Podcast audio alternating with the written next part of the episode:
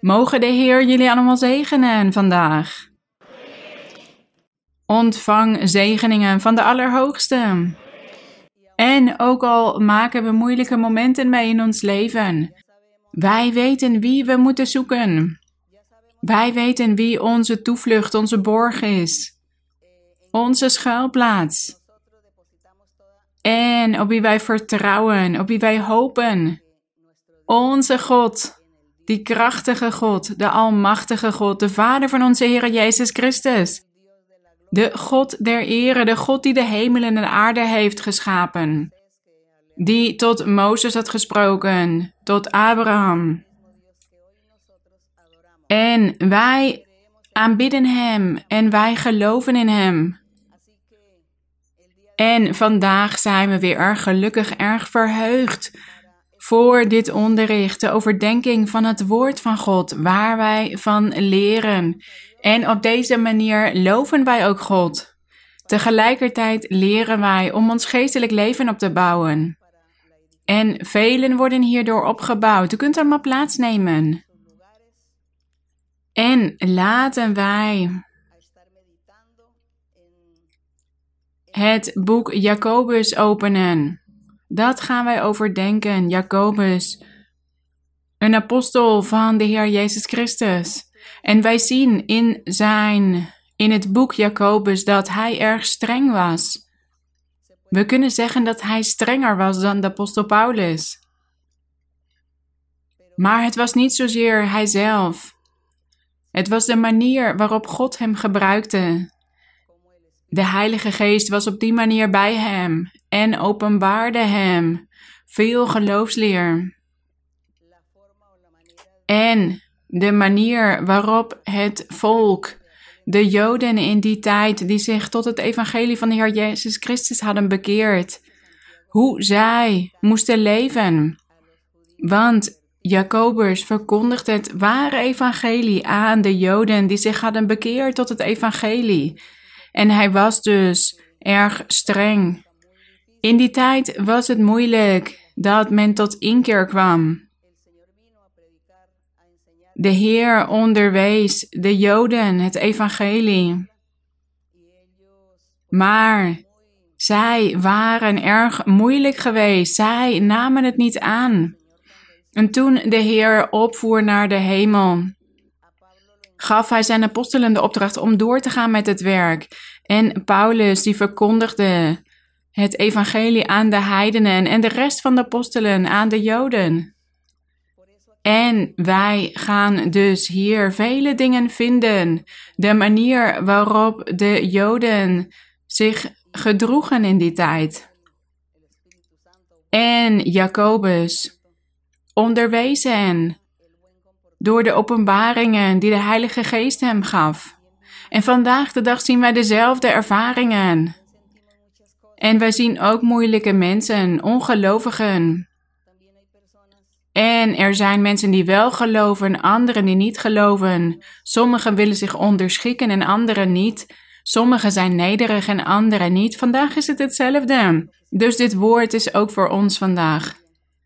Wij zien geen verschil tussen het vandaag en dat gisteren, de tijd van de eerste apostelen, meer dan 2000 jaar geleden. En laten we dus lezen in Jacobus hoofdstuk 2. We gaan het hele hoofdstuk lezen. Vers 1 tot en met 26. Maar we zullen ook een aantal andere boeken lezen, versen in andere boeken, want er zijn een paar dingen die heel belangrijk zijn om te overdenken. Het onderwerp van de armen en rijken bijvoorbeeld. Daar zullen wij in andere boeken van de Bijbel ook wat over lezen. Vers 1. Mijn broeders, heb het geloof in onze Heere Jezus Christus, de Heere der Heerlijkheid, zonder aanzien des persoons. Want als in uw samenkomst een man zou binnenkomen met een gouden ring aan zijn vinger, in sierlijke kleding, en er kwam ook een arme man in haveloze kleding, en u zou hoog opzien tegen hem die de sierlijke kleding draagt, en tegen hem zeggen: Gaat u hier zitten op een mooie plaats? En u zou tegen de armen zeggen: Gaat u daar maar staan. Of ga hier zitten bij mijn voetbank. Hier gaat het over het aanzien des persoons. Onderscheid maken. Dat ze wel naar de rijken omkeken, maar niet naar de armen.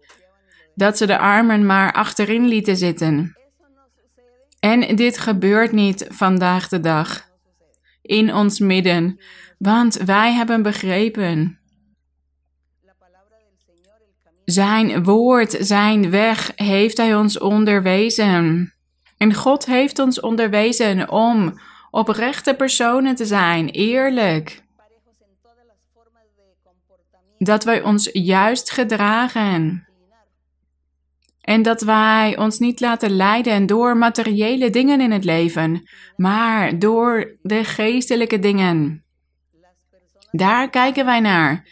Mensen die vele geestelijke gaven hebben en die veel door God worden gebruikt.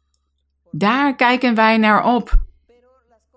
Naar die mensen kijken wij op, maar niet naar mensen die rijk zijn in het materiële, in het fysieke. Ja, wellicht kunnen we genieten van fysieke rijkdommen, maar we horen ons hart daar niet op te zetten. Maar juist op ons geestelijk leven, op de dingen van God, het volmaakte. En de apostel was hier aan het vermanen. Hij waarschuwde. Wat betreft het aanzien des persoons, het onderscheid maken. Vers 4. Hebt u dan niet onder elkaar een onderscheid gemaakt en bent u zo geen rechters geworden met verkeerde overwegingen? Luister, mijn geliefde broeders, heeft God de armen van deze wereld niet uitverkoren om rijk te zijn in het geloof en erfgenamen te zijn van het koninkrijk dat hij beloofd heeft aan hen die hem liefhebben? Laten we er goed op letten, broeders, dit vers wordt door zoveel mensen verkeerd begrepen. Want vele mensen zeggen, vele mensen en vele kerkgenootschappen of religies die onderwijzen dat het een zonde is om rijk te zijn. Dat het een zonde is veel geld te hebben. Dat in het evangelie van de Heer iedereen arm moet zijn, ellendig. Dat is wat zij begrijpen uit dit vers.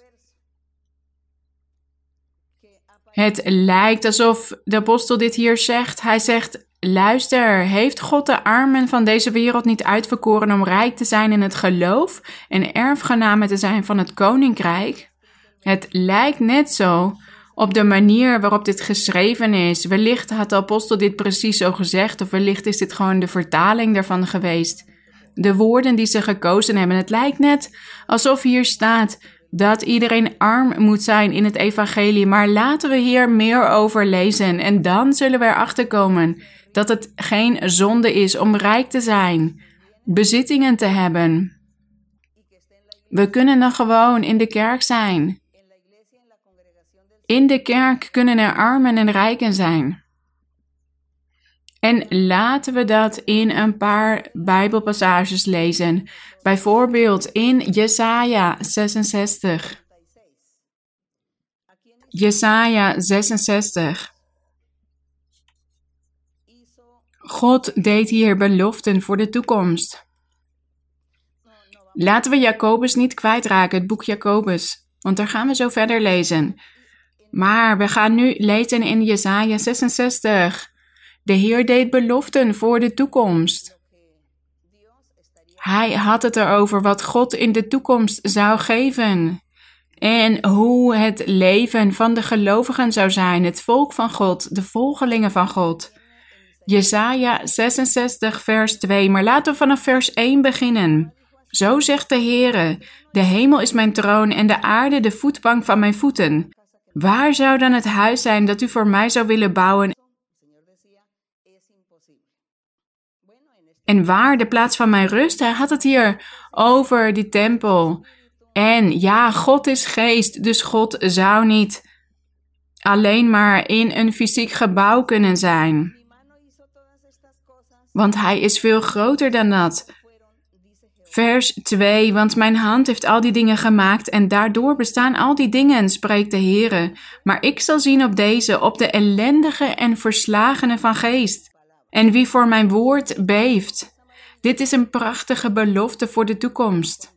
De Heer zegt dat Hij niet naar het fysieke zou kijken, maar naar de ellendige en verslagene van geest. Hij had het hier niet over fysieke rijkdommen, materiële dingen. Op geen enkel moment discrimineert de Heer, om het zomaar te zeggen. Hij heeft het er niet over dat we arm of juist rijk moeten zijn om God te leren kennen. Nee. Hij zei: Ik zal zien op de ellendige en verslagene van geest. En laten we even naar Matthäus, het Evangelie volgens Matthäus gaan. Hoofdstuk 5. Matthäus hoofdstuk 5. Wat zegt de Heer ons hier? Matthäus hoofdstuk 5 vers 3. Zodat die twijfel uit ons weg wordt genomen. Of rijken het koninkrijk der hemelen in mogen gaan of niet. Laten we kijken wat hier staat. Matthäus 5, 3. Laten we dit allemaal lezen samen.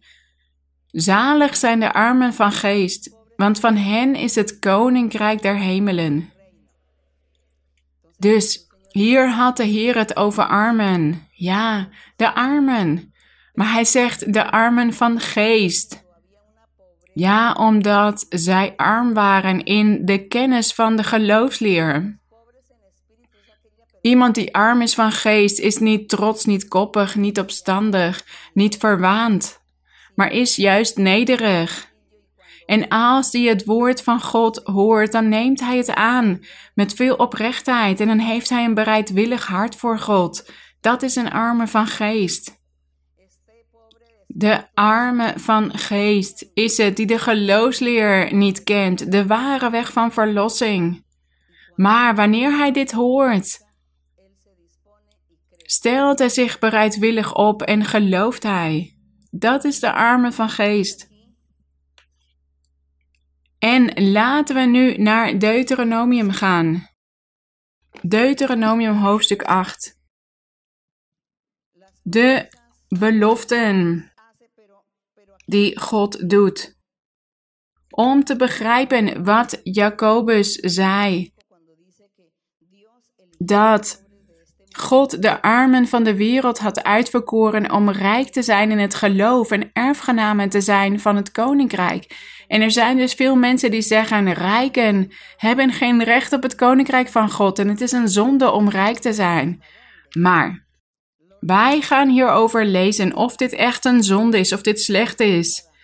En wie geeft ons eigenlijk de rijkdommen? Deuteronomium 8, vers 17.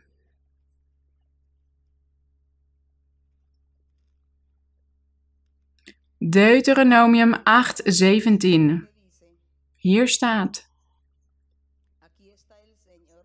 Hier is Mozes het volk in herinnering aan het brengen. Alles wat God hen had onderwezen, alle wetten die zij in acht moesten nemen. Het oprechte leven en het heilige leven dat ze moesten leiden voor God. Want hij zou weggaan. En daarom bracht hij hen dit in herinnering. En hier staat in hoofdstuk 8, vers 11 bijvoorbeeld: Wees op uw hoede dat u de Heere uw God niet vergeet. En daardoor zijn geboden, zijn bepalingen en zijn verordeningen niet in acht neemt. Hij zei: Vergeet God niet. En in vers 16 staat dat het God was geweest die hen in de woestijn het manna had laten eten. Dat hun vaderen niet gekend hadden vers 17. En dat u dan niet in uw hart zegt: Mijn eigen kracht en de macht van mijn hand heeft dit vermogen voor mij verworven. Dus zij moesten niet zeggen dat zij zelf rijk waren geworden, dat dit was uit, vanuit hun eigen kracht, hun eigen moeite. Het was God geweest die hen rijk had gemaakt. Dus wij zien in het Oude Testament dat God toestaat dat er armen en rijken zijn. God is het die zegent. God is het die iemand rijk maakt en iemand anders niet. Bijvoorbeeld Salomo heeft hij rijk gemaakt. Maar het is dus niet een zonde. Het is niet zo dat er alleen maar arme mensen in de kerk mogen zijn. Arm in geld, wat betreft geld. En dat rijken niet in de kerk mogen zijn. Want als wij naar Salomo kijken, toen hij tot God aan het bidden was, erkende hij dat het God was die hem had rijk gemaakt. Eerste Koningen hoofdstuk 3. Laten we dit lezen Eerste Koningen hoofdstuk 3. Hier gaan we lezen over het gebed van Salomo in vers 11 tot en met 13. Salomo erkende hier voor God dat het God was geweest die hem rijk had gemaakt. Dat God hem had gezegend. En we lezen hier, we kunnen hier lezen dat Salomo God om wijsheid had gevraagd, gevraagd om te kunnen regeren over het volk. Vers 10, het was goed in de ogen van de Heer dat Salomo dit gevraagd had. De wijsheid, inzicht, om koning te zijn over het volk. Vers 11. God zei tegen hem: Omdat u hierom gevraagd hebt en niet gevraagd hebt om een lang leven voor uzelf, omdat u niet om rijkdom voor uzelf hebt gevraagd en niet om de dood van uw vijanden hebt gevraagd, maar om inzicht hebt gevraagd voor uzelf, om naar rechtszaken te kunnen luisteren. Zie, daarom doe ik overeenkomstig uw woorden. Zie, ik geef u een wijs en verstandig hart, zodat uw gelijke er voor u niet is geweest en uw gelijke na u niet zal opstaan. En zelfs dat waar u niet om gevraagd hebt, geef ik u, zowel rijkdom als eer. Hij zei: Jij hebt mij geen rijkdom gevraagd, maar ik zal het je toch geven zowel rijkdom als eer, zodat niemand onder de koningen uw gelijke zal zijn, al uw dagen. En ja, zo is het ook geweest. Salomo is de allerrijkste koning geweest in die tijd. Vers 14. En als u in mijn wegen gaat door mijn verordeningen en mijn geboden in acht te nemen, dan zal ik uw dagen verlengen, staat hier. En God was het dus die hem rijk had gemaakt. En er zijn dus mensen die zeggen dat dit een zonde is, dat we niet rijk mogen zijn. Dat rijken het eeuwige leven niet zullen hebben. Alleen armen. Maar dat is niet wat Jacobus zei in dat vers wat we hebben gelezen. Wij begrijpen dat, ja, toen God zijn apostelen riep, zij waren vissers. Zij waren eenvoudige mensen. Ze waren niet geletterd, ze konden niet lezen, schrijven, ze hadden niet gestudeerd. Maar God had hen uitgekozen om apostelen te zijn. En dat was als een schaamte voor die rijken, voor degenen die zoveel gestudeerd hadden. Want ze hadden veel gestudeerd en ook de Bijbel, maar ze begrepen de schriften van God niet. En daarom liet God hen beschaamd staan, omdat zij het niet verdienden om de apostelen van God te zijn. Dus wij zien hier dat het niet slecht is om rijk te zijn. En als het om rijkdommen gaat in de Bijbel die wij moeten verwerven, dan gaat het over geestelijke rijkdommen. En laten we nu lezen in Psalm 62, vers 11. Psalm 62, vers 11. Hier wordt onderwezen dat gelovigen de zegeningen van God kunnen ontvangen, maar dat wanneer iemand rijker en rijker wordt, dan moet hij daar zijn hart niet op zetten. Hier staat in vers 11: Vertrouw niet op onderdrukking, stel geen ijdele hoop op roof. Als het vermogen toeneemt, zet er het hart niet op. Als u steeds rijker wordt, dat is niet slecht, maar zet uw hart er niet op.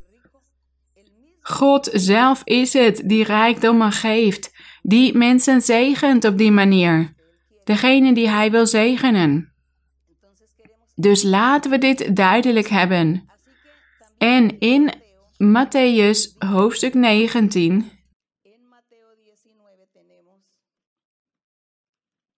In Matthäus hoofdstuk 19, vers 23.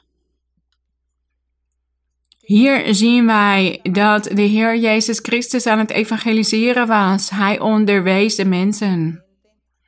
En we lezen hier hoe hier een rijke jongeman bij de Heer kwam en vroeg: Wat moet ik doen om het eeuwige leven te hebben?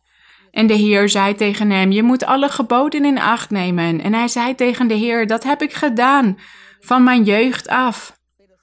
En de Heer Jezus zei tegen hem: Dat is prima, maar als je volmaakt wil zijn, dan ontbreekt het je nog aan iets. Want hij was heel rijk. Hij was heel rijk en de Heer zei tegen hem: Ga heen, verkoop wat u hebt en geef het aan de armen.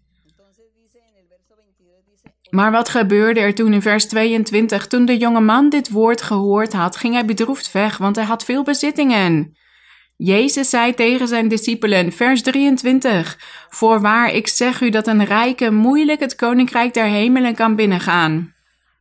Hier staat, het is moeilijk dat een rijke het koninkrijk van God binnengaat, want een rijke vertrouwt op zijn rijkdommen.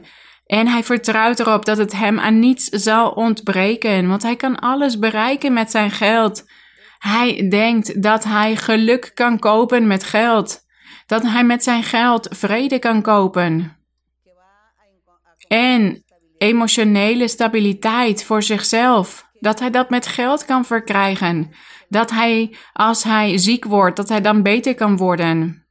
Dat hij dat kan kopen, die genezing. Dus hij zegt: Ik hoef God niet te zoeken, want ik heb alles.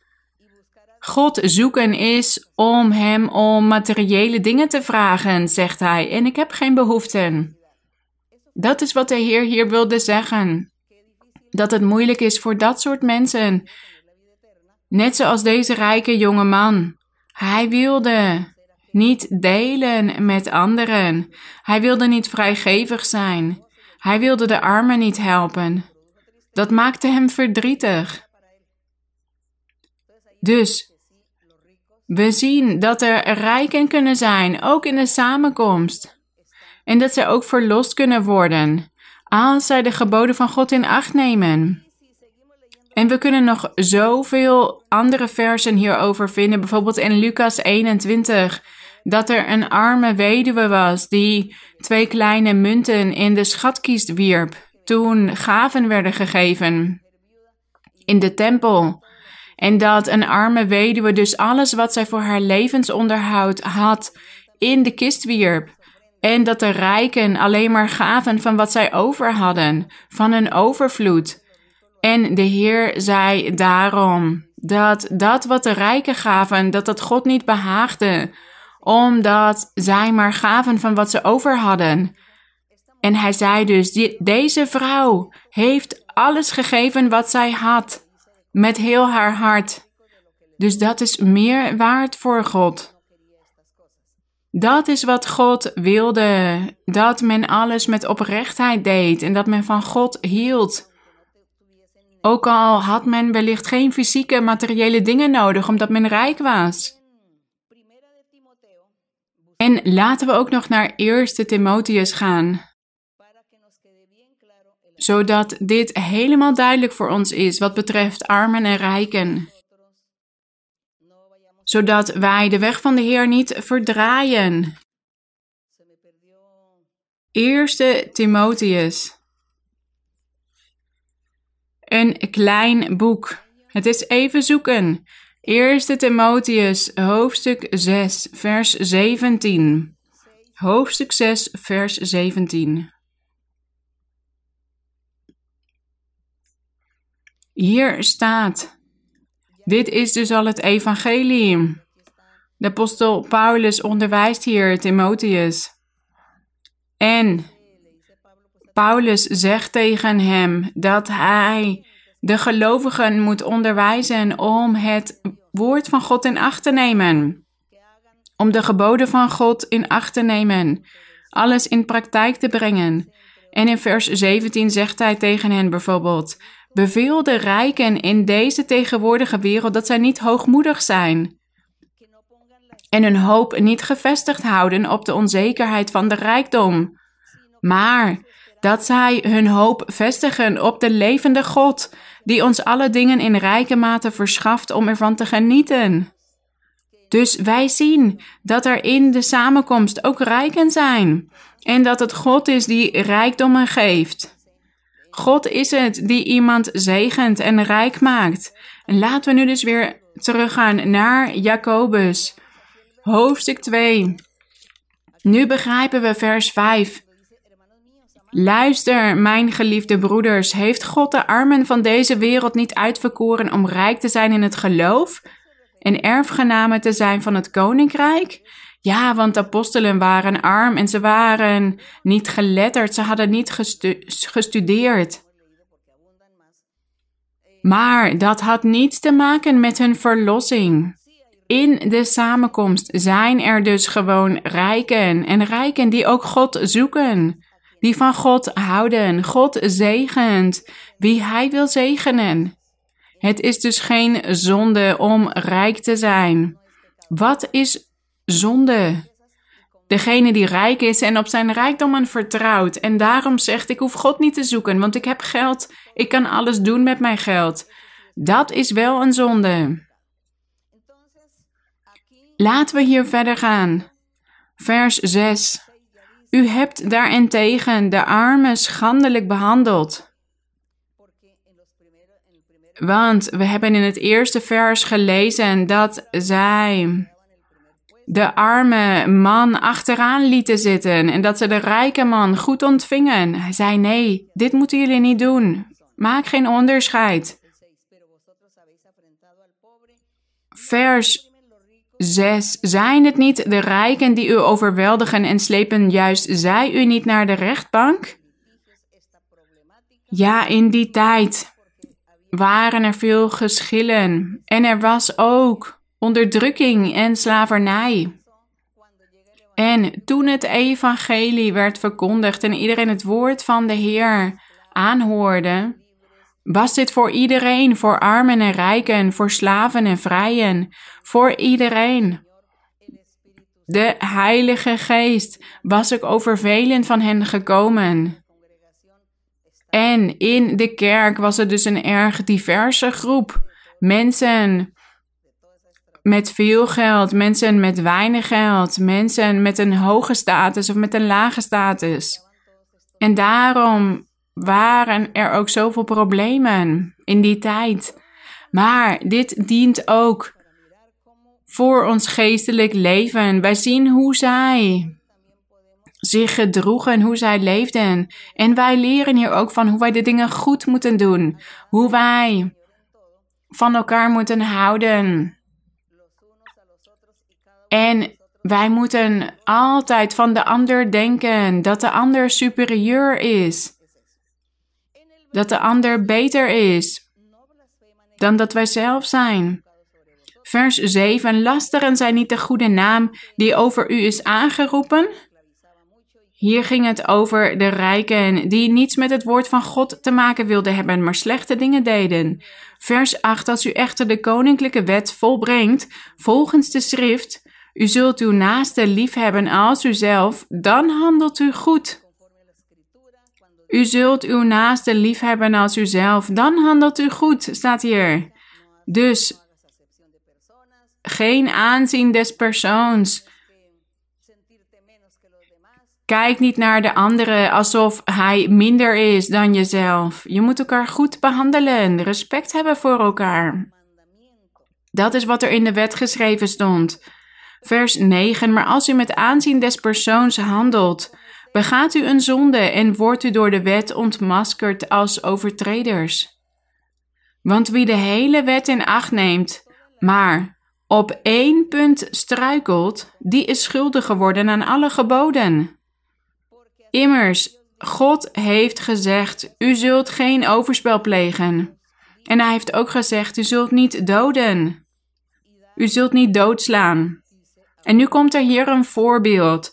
Als u dan geen overspel bedrijft, maar wel doodslaat, bent u toch een wetsovertreder geworden. Wat betekent dit? Dat men alle geboden in acht moest nemen. Alle. Dus het kan niet zo zijn dat de persoon zegt: Ik neem deze geboden wel in acht, maar die andere niet. Zoals die rijke jonge man die aan de Heer vroeg: Wat moet ik doen om het eeuwige leven te hebben? En dat hij zei dat hij vele geboden in acht had genomen, maar niet alle. De Heer zei tegen hem: Je bent niet volmaakt. Wil je volmaakt zijn? Verkoop dan wat je hebt en deel het uit aan de armen. Dat was zijn zonde, want hij ging bedroefd weg. Hij wilde het onderricht niet aannemen. En wat was dus de zonde die hij in zich had? Hebzucht, geldzucht. Hij was geldzuchtig, hij wilde niet delen. Hij nam alle andere geboden wel in acht, maar hij was dus hebzuchtig, hij was geldzuchtig, hij was egoïstisch. En hij was vergeten dat dat ook een gebod van de Heer was, die hij in acht moest nemen. En daarom was hij dus ook een overtreder van de wet geworden. Want om geen wetsovertreder te zijn, moest, moesten alle wetten in acht genomen worden, alle geboden van God. Bij één overtreding was de persoon al een wetsovertreder. Vers 12. Spreek zo en handel zo als mensen die geoordeeld zullen worden door de wet van de vrijheid. Hier gaat het over de wet van de vrijheid. Dit is het evangelie van de Heer Jezus Christus. En wij weten dat de wet van het evangelie, de wet van de vrijheid, diegene is waar de geest van God heerst en leidt en vermaant en zijn kerk volmaakt maakt. Waar de Heilige Geest leidt en heerst. Dat is het ware evangelie en dat is de wet van de vrijheid. Dat is de wet van de vrijheid, het evangelie. Geleid worden door de geest van God. Want de wet in de oude tijd. In de oude tijd werden zij niet geleid door de geest van God. God had Mozes de geboden gegeven en die waren opgeschreven en die werden opgelezen aan het volk. Vandaag de dag hebben we dezelfde geboden, maar worden wij ook geleid door de Heilige Geest. Zo maakt God zijn woord levend zijn geboden in ons leven en Hij verandert ons. Dat was niet zo voor de ouderlingen. Zij hadden die zegen van God niet ontvangen. Zij konden niet veranderen, zij konden hun leven niet beteren, want niemand hielp hen. Vandaag de dag hebben wij de geest van God die ons helpt. De glorie zijn aan de Heer. En hier staat in vers 13. Vers 13, want onbarmhartig zal het oordeel zijn over hem die geen barmhartigheid heeft bewezen. En de barmhartigheid triomfeert over het oordeel. Maar laten we dus goed nadenken over vers 12. Ik weet dat jullie de Bijbel lezen, dus elke keer dat jullie dit vers lezen, let hier goed op. Spreek zo en handel zo als mensen die geoordeeld zullen worden door de wet van de vrijheid. Dus wij allemaal als gelovigen de hele samenkomst, de kerk van de Heer Jezus Christus, zal geoordeeld worden door de wet van de vrijheid. Oftewel het evangelie van de Heer Jezus Christus. Dus wij zullen niet meer geoordeeld worden door de wet van Mozes, maar door de wet van Jezus Christus, de wet van het evangelie. Dit vers moeten we niet vergeten. We moeten de betekenis ervan niet vergeten. En in vers 14 staat: Wat voor nut heeft het, mijn broeders? Als iemand zegt dat hij geloof heeft en hij heeft geen werken. Hier gaat het over het geloof. Dus Hier gaat het niet meer over de armen of de rijken. We hebben nu al gelezen dat wanneer God spreekt over de armen, dat hij het heeft over de armen van geest. Want ja, er kan vast een rijke zijn, iemand die rijk is in het materiële, het fysieke, maar hij is arm van geest. Hij is arm van geest, hij neemt de dingen van God aan. Als hij het woord van God hoort, dan gelooft hij hierin en dan bekeert hij zich tot God. En dan gaat hij door op de weg van de Heer. Dat is het. Zo zal dat vers vervuld worden in de zaligsprekingen. Toen de Heer zei: Zalig zijn de armen van geest, want van hen is het koninkrijk der hemelen. De armen van geest, zij zullen het eeuwige leven beërven. Dus in de gemeente, in de samenkomst, kunnen er rijke mensen zijn, mensen met heel veel geld en ook arme mensen. Maar wat is belangrijk? Hoe is ons hart? Laat ons hart niet ongelovig zijn, opstandig, koppig. Laten we juist arm van geest zijn. Dat toen wij het woord van God begonnen te horen, dat we dit hebben aangenomen, dat we de wil van God zijn gaan doen.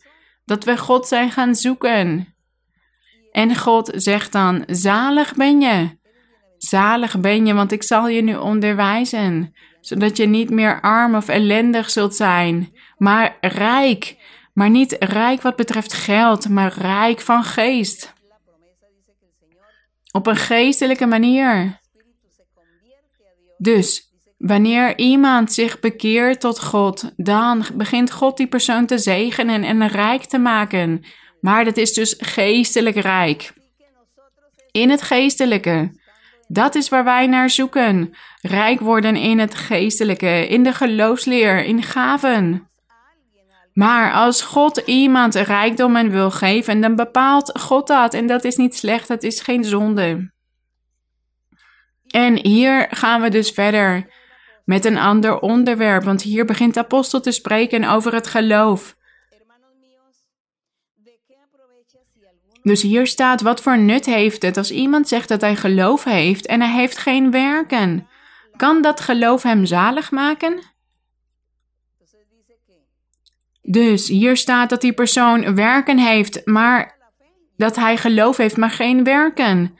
Wat is het geloof dat we in de Heer geloven? In de Heer Jezus Christus, dat Hij God is en dat Hij de weg naar het eeuwige leven is. En dat wij ook God geloven. Dat is het geloof.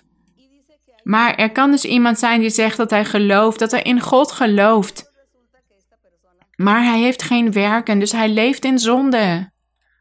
Hij leeft in zonde. Dus hij zegt: Ja, ik geloof in God.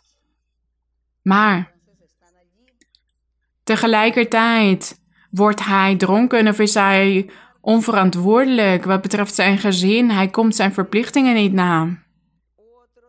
Of er zijn anderen die stelen. Of die overspel plegen, ontucht. Of anderen die bedriegen of die willen omkopen.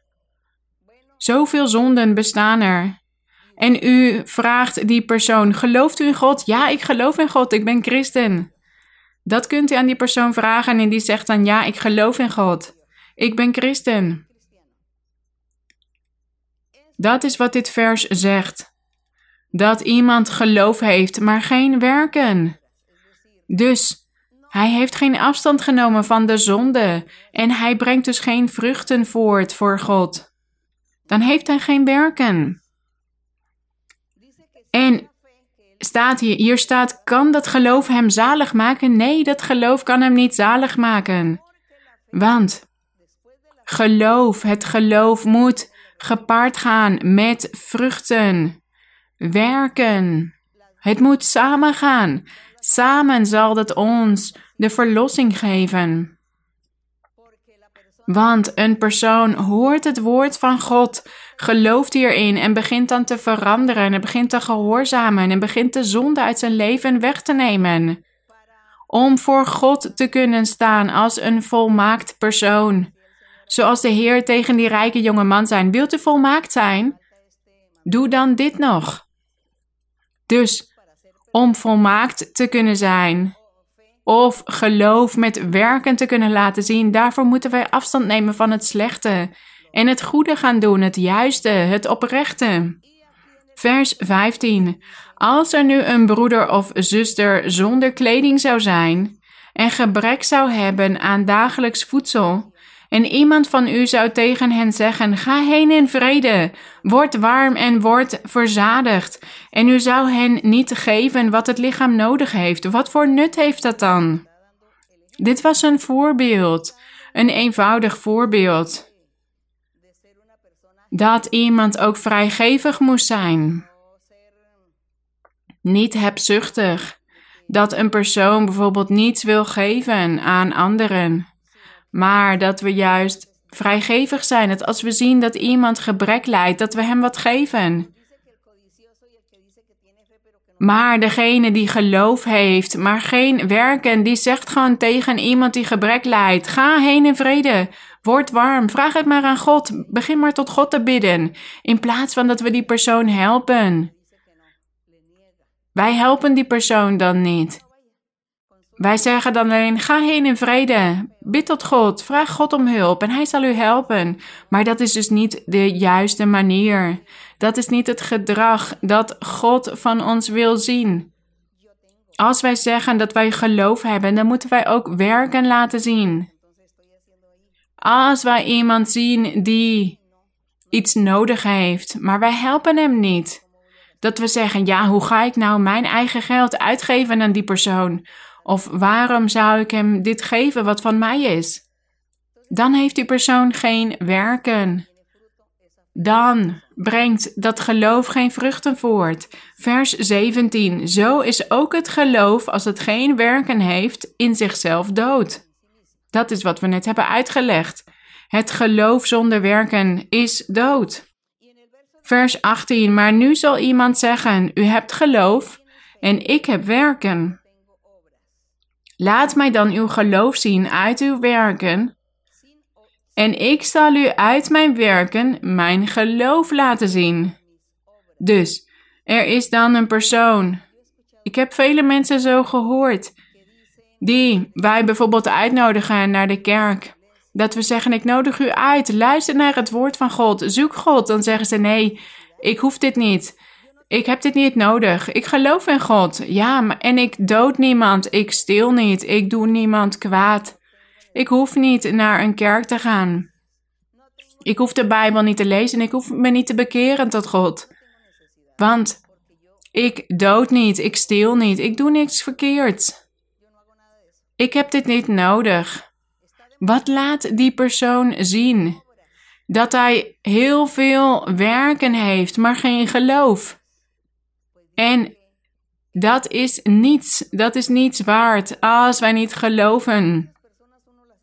En er zijn dus ook mensen die zeggen: Ja, ik doe vele goede werken. Ik help altijd mensen en op zondag of op speciale dag help ik vele mensen. Geef ik eten. Ik deel kleding uit. Ik geef schoenen. Dat is genoeg.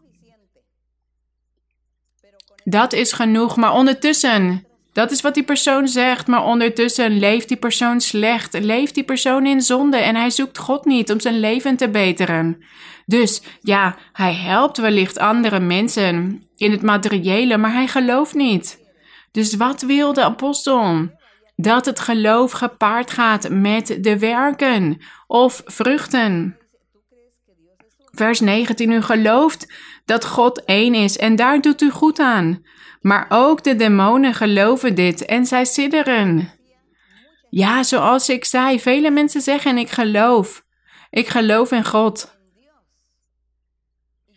Ik hoef niet naar de kerk te gaan, want ik doe niemand kwaad. Ik steel niet, ik dood niet.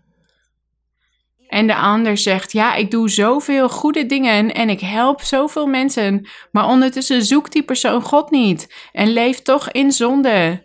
Dus dan doen wij geen goede dingen voor God. Dat heeft niets waard. Die personen kunnen zich niet rechtvaardigen voor God. En er waren vast in die tijd ook mensen in de samenkomst die op deze manier leefden. Dat ze zeiden, ja, ik geloof in God, maar ik wil mijn leven gewoon zo doorgaan, zoals ik ben. En anderen zeggen, nee, ik wil niet naar de kerk toe gaan, ik wil God niet zoeken. Ik help gewoon andere mensen in het materiële, maar ik ga niet God zoeken. Ik ga niet veranderen van leven. En de apostel zegt dus, nee. Jullie zijn net als de demonen, zegt de apostel. Zij geloven ook in God en sidderen voor God. Maar zullen de demonen zalig worden? Zullen zij gered worden? Leven zij goed voor God? Nee. Dus, zo vergelijkt hij dit soort mensen. Mensen die alleen maar geloof hebben, maar geen werken. Of alleen werken hebben, maar geen geloof. Zij worden vergeleken hier met die geesten. Hier staat, u gelooft dat God één is. Ja, ik geloof dat God één is. En daar doet u goed aan. Maar ook de demonen geloven dit en zij sidderen. Dus ja, de demonen, zij geloven ook in God. Want zij weten dat God de baas is over iedereen, dat Hij de schepper is van alles. En dat Hij hen uiteindelijk zal straffen voor alles wat ze doen. En dat zij ver weg van Gods aangezicht zullen zijn. En daarom sidderen zij. En dat gebeurt dus ook, dat overkomt ook deze personen die op deze manier denken of handelen. Mogen God ons hiervoor behoeden. Dat wij ons niet rechtvaardigen voor God en dat we zeggen: Ja, ik doe wat goede dingen. Ik help een aantal mensen. En daarom hoef ik God niet meer te zoeken. Of dat we zeggen: Ik heb geloof, maar ondertussen leven wij in wraak, roddel, roddelpraat, trots, verwaandheid, jaloezie dan is ons geloof niets waard.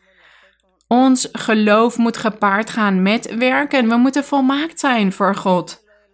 En dit hier over deze geest en dit geeft ons een belangrijk onderricht. Want ik weet nog, er zijn vele mensen die de kerk hebben leren kennen. En die zijn ook naar tovenaars en heksen gegaan en zeggen: Ja, wat raar, want die mensen daar hebben ook de Bijbel. En ze openen de Bijbel en ze hebben het over de Heer Jezus en ze hebben het over de naam van God, terwijl zij hun toverspreuken doen. Terwijl zij hun hekserij beoefenen, hebben ze het over God. En ze hebben toch de Bijbel, dan is het toch goed. En ze hebben het over de Heer Jezus en dat ze geloven. Op die manier rechtvaardigen zij zich. En zij zeggen dan, ja, ik dacht dat dit niet slecht was, want ik zie die mensen en zij geloven en ze hebben de Bijbel. En ze hebben het over God. Maar hier staat dus, de, ook de demonen geloven en zij sidderen. Dat is dat bedrog van de duivel. Kijk hoe de apostel ons dit hier onderwijst. Het is dus niet zo dat iemand die zegt: Ik geloof in God, dat hij ook gelijk op de juiste weg loopt. Vers 20. Maar wilt u weten, o nietig mens, dat het geloof zonder de werken dood is? Is Abraham onze vader niet uit de werken gerechtvaardigd toen hij Isaac zijn zoon op het altaar offerde? God had tegen Abraham gezegd: Offer je zoon op.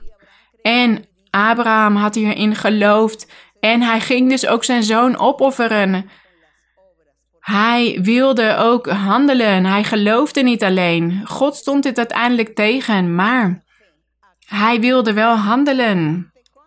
Vers 22. Ziet u wel dat het geloof samenwerkte met zijn werken en dat door de werken het geloof volmaakt is geworden? Dus de apostel benadrukt hier dat als wij zeggen dat wij geloof hebben omdat we in de Heer hebben geloofd, dat wij dan ook veel vruchten moeten voortbrengen. Dat wij onze werken aan God moeten laten zien. Die werken die voortkomen uit ons geloof. Het moet samengaan, het geloof met de werken. Zo heeft God ons dit opgedragen. Hij onderwijst ons zijn geboden.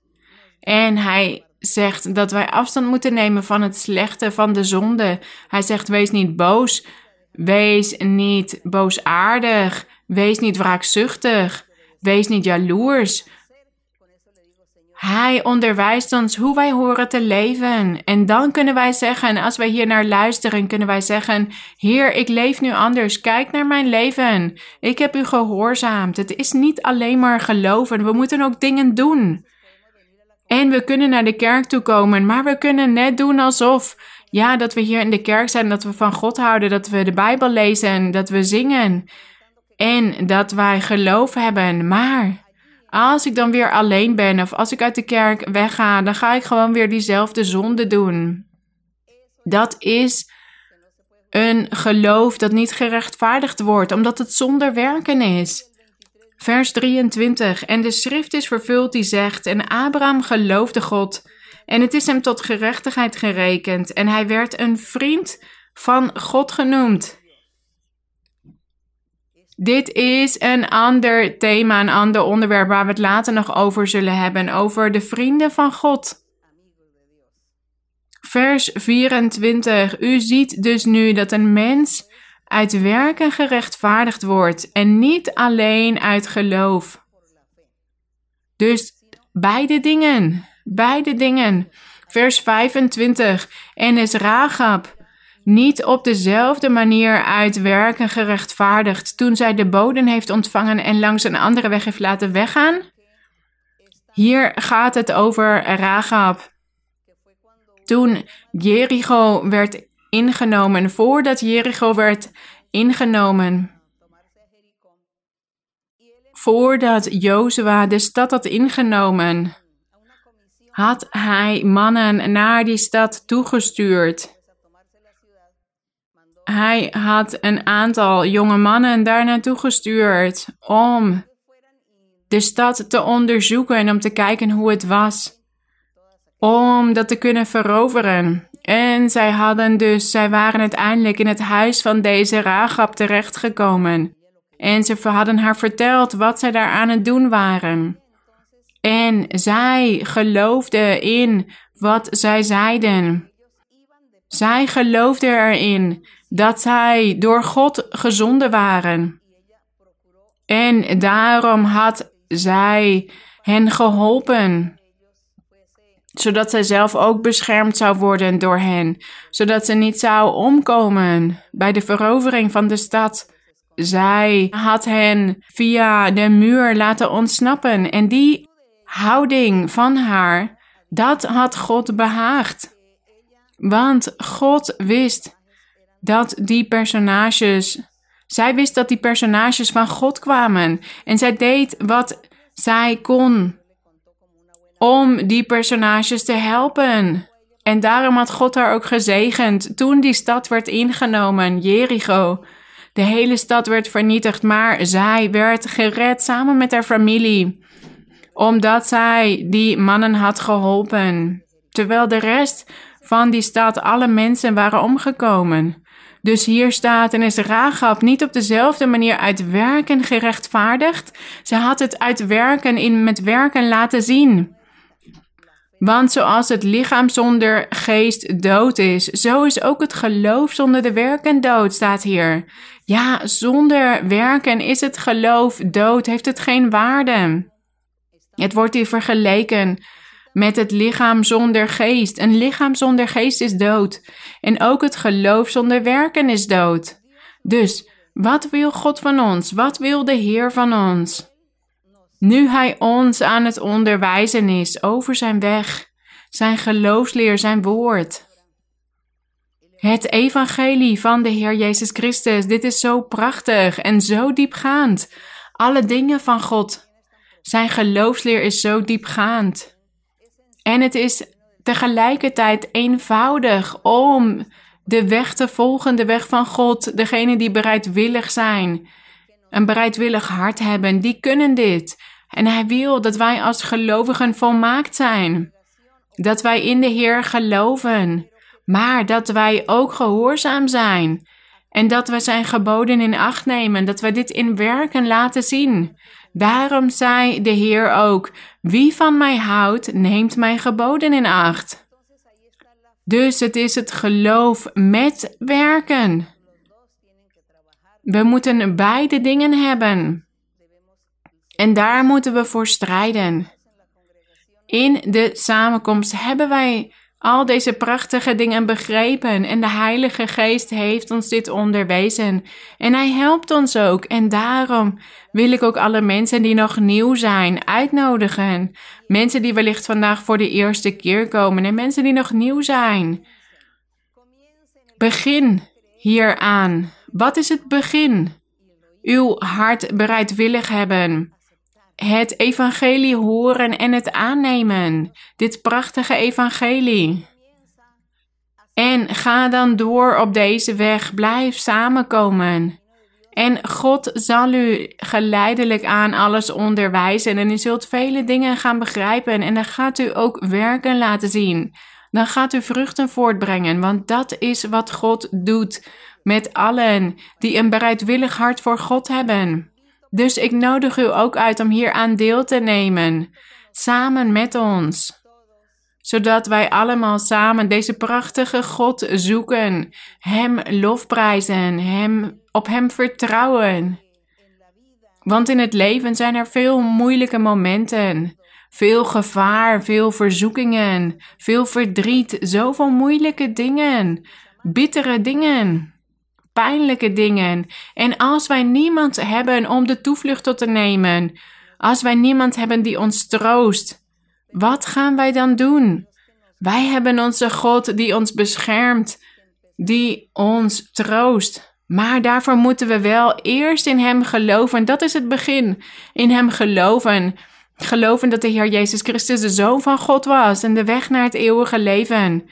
En dat Hij God is. En dan moeten wij ook zijn geboden in acht nemen om het eeuwige leven te kunnen hebben. Dat is mijn uitnodiging. En mogen God jullie allemaal zegenen. Mogen God bij jullie zijn. Mogen Hij jullie zijn woord openbaren en mogen Hij jullie hart, jullie leven bereiken, zodat jullie jullie ook bekeren tot God, zodat we allemaal samen God kunnen loven, want Hij is zeer te prijzen. Laten we gaan staan, laten we tot onze God gaan bidden. Heilige Vader, Hemelse Vader, Schepper van de hemelen en de aarde, onze God die het heelal heeft geschapen. U hebt ons geformeerd met uw krachtige hand. Wij zijn werken van uw hand. Maaksel van uw hand, krachtige God, wij danken u, Hemelse Vader. Eeuwige God, wij danken u voor uw wonderen, voor uw barmhartigheid, uw liefde. Want u hebt zich vernederd om naar ons om te kijken en ons uit te kiezen. Zodat wij hier samen kunnen komen. Zodat wij hier als kerk samen kunnen zijn voor uw aangezicht. En u, Heer, openbaart zich in ons midden. En u zegent ons in het geestelijke. En u laat ons uw bestaan zien door de geestelijke gaven, door de doop met de Heilige Geest, door het spreken in geestelijke talen. Op die manier laat u ons zien dat u bestaat. Want wij voelen in ons wezen uw aanwezigheid, die goddelijke aanwezigheid, die bovennatuurlijke aanwezigheid. En wanneer wij met onze tong niet meer onze eigen taal kunnen spreken, maar de Heilige Geest over ons komt en ons laat spreken in geestelijke talen, dan weten wij dat u bestaat, dan begrijpen wij dat u een bovennatuurlijk wezen bent die wij niet met onze fysieke ogen kunnen zien, maar wij voelen u in ons leven, in ons hart. Onze geest verheugt zich in u. Onze ziel verheugt zich. U bent onze God. En wat nog meer, Vader, wat kunnen we nog meer zeggen wanneer u visioenen geeft, dromen en profetieën en u komt uw beloften na, u vervult uw beloften. Hoe kunnen wij dan nog twijfelen aan uw bestaan? U leeft, u bestaat en u leeft in ons leven. U spreekt vandaag de dag, want u bent dezelfde gisteren en vandaag. Wij danken u, Heilige Vader, voor uw barmhartigheid. Wij loven u, wij prijzen u. Wij danken u, mijn Vader. En ik vraag u, mijn Heer,